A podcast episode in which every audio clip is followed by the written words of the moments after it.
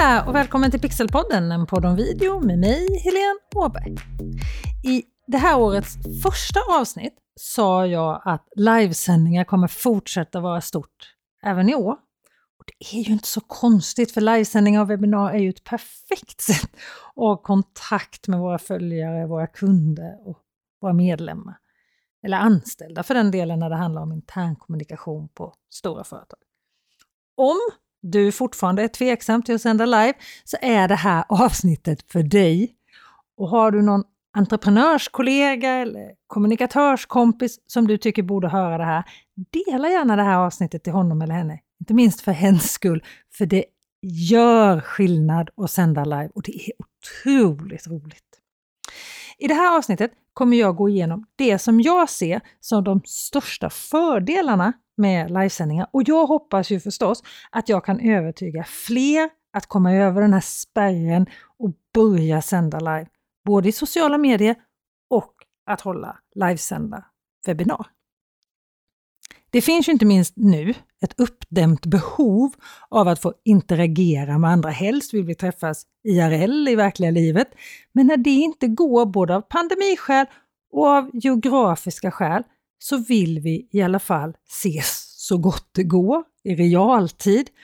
Och det gäller även med de företag vars tjänster och produkter vi vill använda.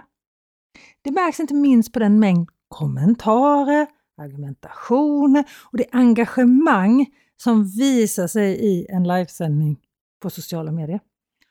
Och så var det redan före pandemin, även om livesändningar verkligen exploderade under coronatiden. Alla plattformar utformar och vrider på funktionen live just nu. Och när det kommer till ett företag, framförallt som säljer saker via webbshop eller annan e-handel, så blir livesändningar substitutet för expediten i affären om man säger så. Ett sätt att få personlig kontakt med företaget helt enkelt. Och då menar jag kontakt just i stunden, inte ett svar på en kommentar eller ett mejl om någon timme eller i värsta fall om några dagar.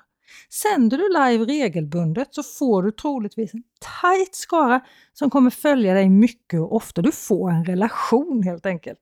Och det är ju det vi vill ha med våra kunder och våra medlemmar och våra anställda. Eller hur? Men det gäller ju precis som med allt innehållsskapande att bjuda på innehåll också. Dela med dig av din kunskap, din personlighet, gärna din humor. Du kommer vinna på det i längden. Du får ju dessutom omedelbar feedback, även om det ibland kan vara lite läskigt och tänka att ska jag få feedback live så är det otroligt nyttigt för det här blir ju mer som en konversation mellan dig och dina kunder eller medlemmar eller anställda för den delen om det nu är en livesändning på intranätet till exempel. Den här feedbacken som kommer in från dina tittare kan du sedan anpassa dig efter. Efter den feedback och de önskemål som kunderna och tittarna har så håller du både ditt innehåll i sociala medier, dina produkter och dina tjänster aktuella. Du håller dem i toppklass och det som dina kunder behöver och vill ha. Min webbutbildning Lyckas med live och webbinar, det är resultatet av just livesändningar.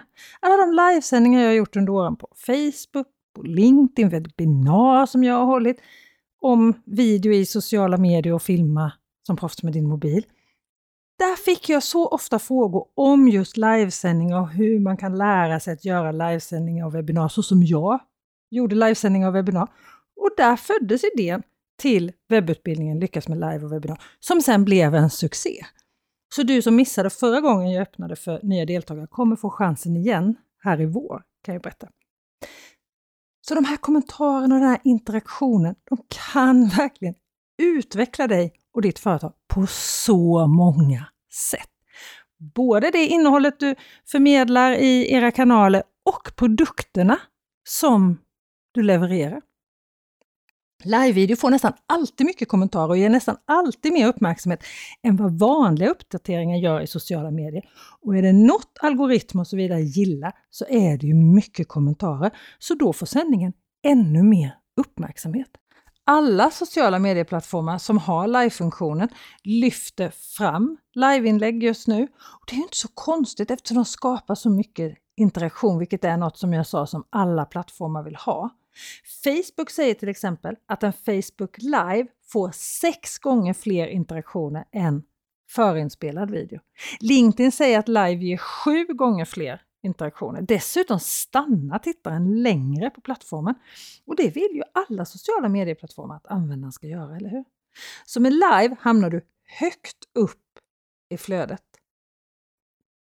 Men ska det här fungera så kan jag inte nog poängtera hur viktigt det är att du verkligen svarar på de kommentarerna som du får under sändningen, annars missar du en av de största anledningarna du får när du sänder live. Ditt nätverk, dina följare som deltar i din livesändning känner sig sedda när du tar upp deras fråga i livesändningen och du bygger den här relationen som jag nämnde alldeles nyss. Den vill du ju ha, eller hur? Och bara för att sändningen är slut så kan du ju fortsätta svara på de kommentarerna som kommer in. Gå tillbaka efteråt och svara på kommentarer som kommer från de som tittar på videon i efterhand till exempel. Jag tror verkligen att det här relationsbyggandet är den största anledningen till att livesändningen fungerar så bra. Sen finns det ju också ett spänningsmoment i själva live-mediet som sånt. Allt kan gå fel när som helst och det händer, det går fel också. Efter mina 25 år med livesänd TV som jag har jobbat med, så kan jag konstatera att är det något vi människor gillar så är det att se när andra gör misstag i direktsändning. Och det här tycker jag är lite skönt att veta när jag själv sänder live på Facebook, på LinkedIn eller Instagram. Jag har nog aldrig haft så mycket interaktion till exempel och fått så mycket tillbaka i en livesändning i sociala medier som när jag råkade vifta ner min mikrofon under livesändningen. Den gick sönder och jag blev tvungen att försöka laga mikrofonen i direktsändning. Ja, numera har jag alltid en reservmikrofon när jag sänder. Hängslen och livrem, det är min paroll när jag sänder live. Men jag tror helt ärligt att misstag bara gör den som sänder mer human och mer möjlig att relatera till. Bara de inte är för många och det inte är för taffligt, så gör små misstag dig bara mänsklig. Sen handlar det ju förstås om hur den som sänder reagerar när det går fel. Men man får bjuda lite på sig själv. Att någon skrattar åt en ibland. Roa människor är också bra, tänker jag, eller hur? Livestreaming är ju liksom kan man säga, den ultimata transparensen som vi har. Oavsett om det går fel under sändning eller inte. Och är det något vi konsumenter vill veta idag så är det vilka vi handlar av. Sociala medier ska upplevas ärligt och företag som till exempel har ett socialt engagemang premieras av många just nu. Vi har lämnat det där polerade och det för genomarbetade när det kommer till inspelad video. I årets spaning i avsnitt 80 pratade jag om just det. Och här kommer också live in på ett sätt, för live är rått, det är oredigerat, det är personligt, i realtid. Livesändningar visar att företaget eller organisationen vågar släppa kontrollen och det ger en känsla av att du inte har något att dölja.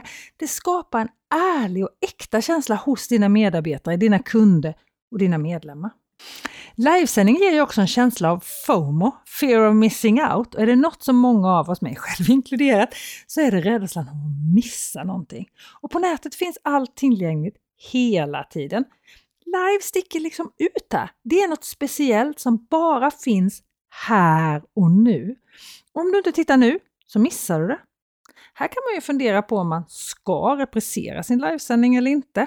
Å ena sidan så är det många som tittar i efterhand, även om min erfarenhet är att den andelen faktiskt har minskat med åren. Vi kan ju bli ännu mer exceptionella och sticka ut ännu mer om det bara är här och nu, inte sen. Här och nu. Så ja, ska du reprisera eller inte? Det kan ju tålas att fundera på, eller hur?